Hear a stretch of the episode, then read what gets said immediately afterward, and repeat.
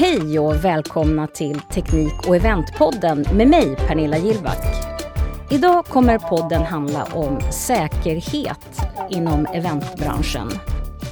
Jag kommer prata med två experter inom området. Jag ska prata med Petter Säterhed från Myndigheten för samhällsskydd och beredskap, MSB. Och så ska jag prata med Thomas Stålmark som bland annat är producent, projektledare och så jobbar han lämpligt nog med just eventsäkerhet. Säkerhet är ju alltid viktigt när det kommer till event.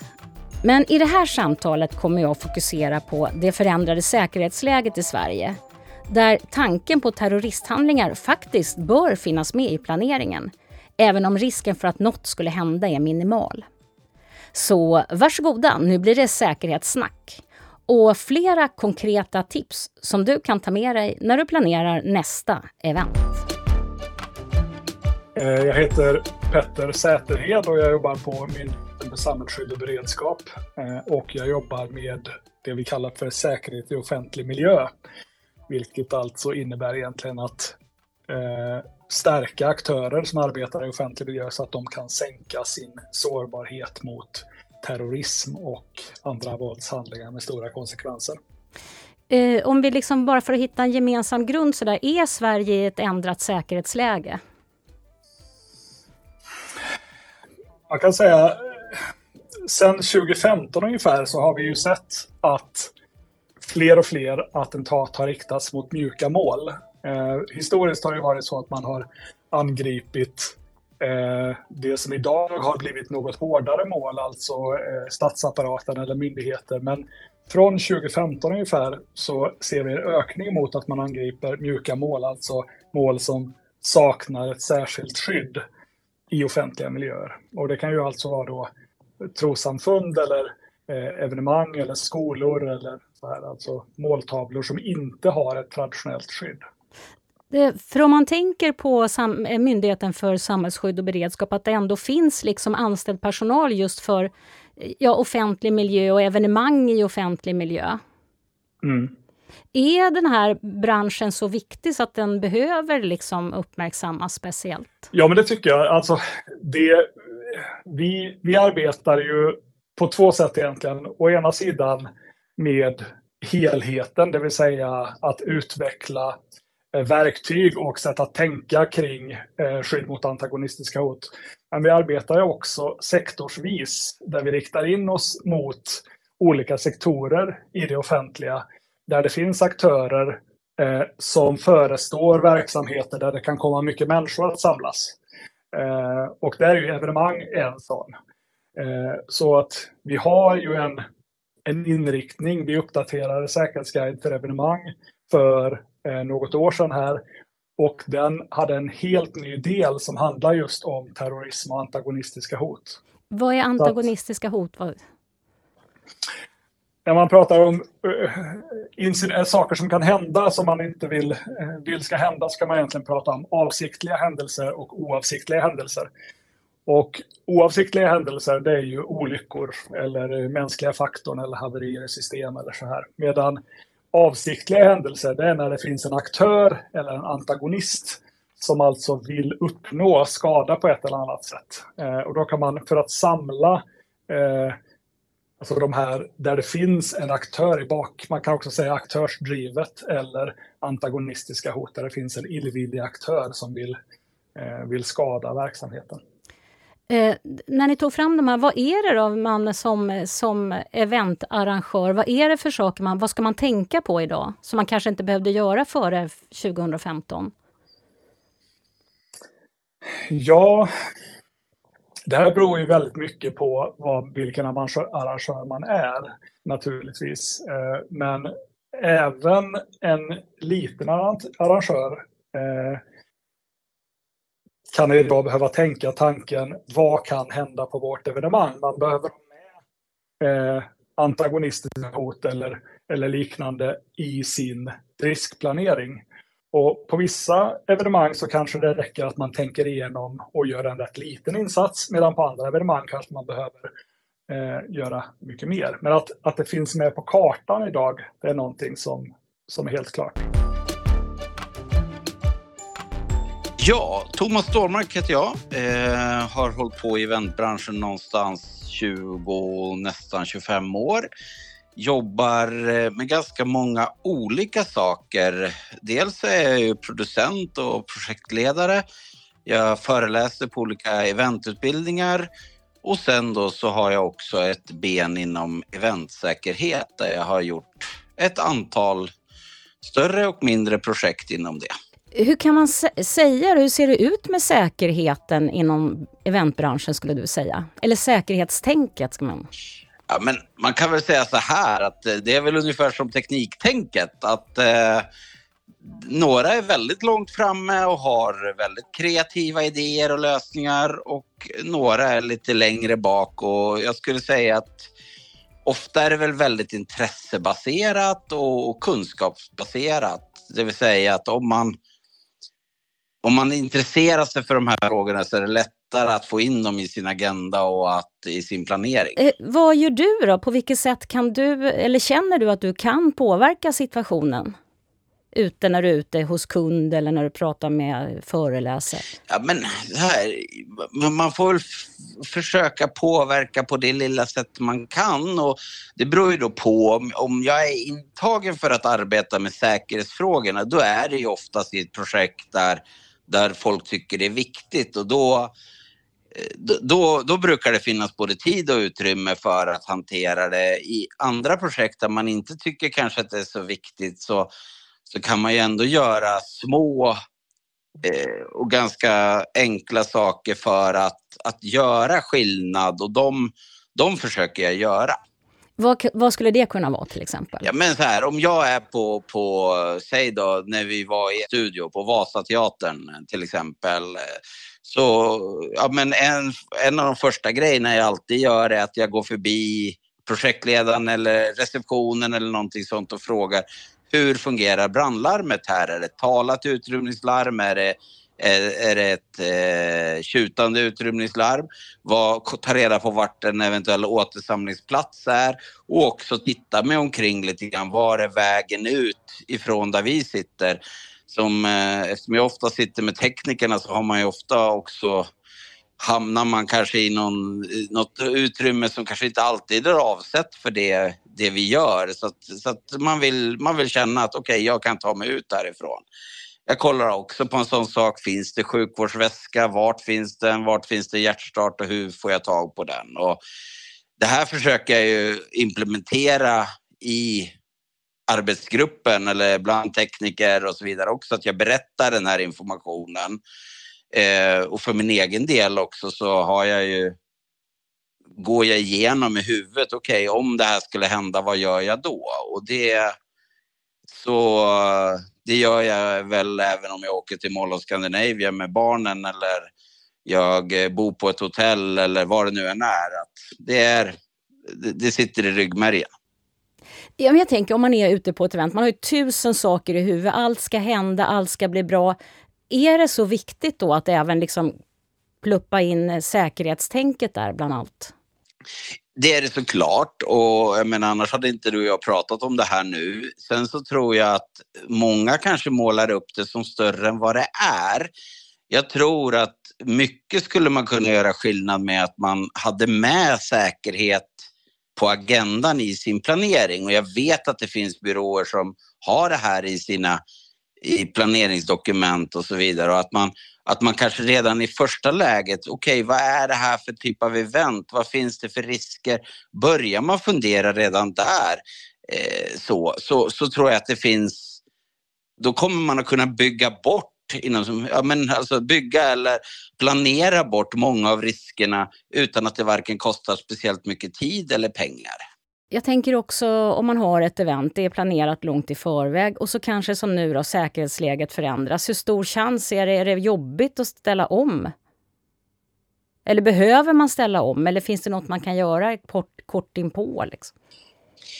Så här, eh, ju tidigare man kommer igång med det, desto bättre är det såklart. Och hade man haft, har man nu ett stort projekt i höst och haft säkerheten på agendan, då har man nog väldigt lätt att ställa om från, ett, från en lägre hotbildsnivå till en högre. Eh, men, men, men om man inte har gjort det så tycker jag inte att det är en anledning att, att liksom strunta i det helt. Det är ju faktiskt så att utvecklingskurvan är fantastiskt brant i början och, och, flera små steg kan göra stor skillnad för dig och ditt team om något händer. Bara en sån sak som, som jag brukar prata om i de här sammanhangen är att gå från att förvänta dig någonting till att förvissa dig. Hur menar du? Till exempel så här. Eh, ja, där är det nödutgång. Den funkar säkert. Den har de säkert låst upp. Eller den, eh, det är säkert inga hinder på andra sidan. Mm. Men du kan ju faktiskt öppna den och titta hur ser det ut på andra mm. sidan. Oj, här har ju liksom teknikfirman ställt alla sina casear. Mm. Det var inte så bra.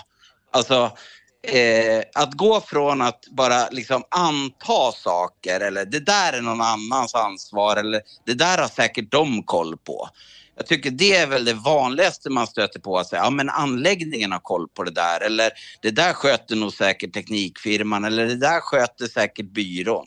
Mm. Ja, men lyft frågan då. Visst är, det så att ni har, visst är det så att ni på hotellet har en hjärtstart?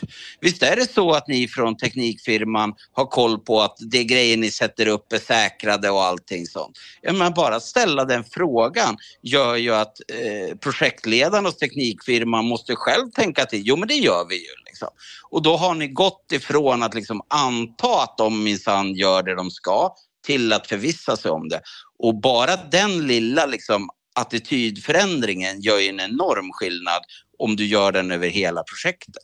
Verkligen, men det är inte så att man liksom bara möter suckar och så här, fan, liksom suckar från den man frågar sådana saker, man är stressad, man har det är ju ofta korta deadlines. Så är det definitivt. Och det är väl, av den anledningen så ju bättre, ju tidigare desto bättre. Eh, jag tycker att jag ytterst sällan stöter på suckar i de här fallen utan snarare att bara, åh fan, det där borde vi kanske haft mm. koll på. Så att eh, eh, jag tycker att det är väldigt, väldigt sällan man stöter på suckar och jag menar, jag vet ju att många av de tekniker som jag har liksom gått igenom med så här, det här gäller här och om det här händer så ska ni göra det här det är ju, de är ju så här, det här har aldrig någon sagt till oss förut. Eh, och de blir väl också lite så här, det borde vi kanske ha fått på alla event. Liksom, så, så, att, eh, så att jag tror att det, det bemöts lika ofta med liksom värme och tacksamhet som man möts av en suck eller ett, och fan det där måste vi lösa. Hur får man, med, hur får man in det här tänket i, i processen tror du, om den inte finns där idag? Jag tror att det är det vi håller på med idag egentligen. Att man lyfter frågan och får folk att glänta på locket, att våga tänka tanken. När man pratar om terrorism så blir det väldigt snabbt stort och farligt och svårt. Och jag kan tänka mig att det finns många mer lättgripbara saker som man kanske fokuserar på. För att det känns så, eh, det är svårt att, eh, det är svårt att göra någonting eller ta fram åtgärder som faktiskt har Eh, det är svårt att se vad man skulle kunna göra mot det här. Eh, men eh, vad det handlar om är egentligen att på enklaste sätt titta på sitt evenemang, förstå evenemanget och se, har vi sårbara platser eller situationer här? En sån enkel sak som att eh, om man har en köbildning utanför sitt evenemang och så finns det ett antal täckta papperskorgar som står i närheten. Eh, precis bredvid kön. En, en täckt papperskorg är ett utmärkt ställe att gömma till exempel en sprängladdning på. Och en så enkel åtgärd som att ta bort den papperskorgen försvårar för en person att göra det. Och det är en rätt liten insats egentligen. Är det här framförallt för att... Alltså, gäller det här även för större företagsevenemang? För jag tänker en köbildning kan det ju vara även om du har en företagsfest eller så vidare, ett större evenemang. Det, det är svårt att prata om sannolikhet när det kommer till eh, antagonistiska hot och terrorism för att sannolikheten att det inträffar ett angrepp på ett specifikt evenemang är jätte, jättelåg. Eh, men ändå, om det inträffar så kan konsekvenserna bli väldigt stora. Men just för att det finns en aktör i bakkant som försöker undkomma säkerhetsåtgärder och komma runt dem för att göra skada, så är det vanskligt att prata om sårbar, eh, eh, sannolikhet. Så därför pratar vi om sårbarhet istället. Det vill säga, man tittar på sitt evenemang och ser, finns det något ställe där det skulle vara lätt för en gärningsperson att inleda Eh, ett, eh, ett, eh, ett, angrepp? Eller finns det någonting där vi faktiskt visar att här är väldigt många människor samlade? Och så vidare. Alltså det finns ett antal saker som är sårbarheter som man skulle relativt lätt kunna med rätt små åtgärder göra förändringar, bara man är medveten om hur man bör tänka. Mm, mycket att fundera på. Men det behöver ju inte vara så svårt, säger de.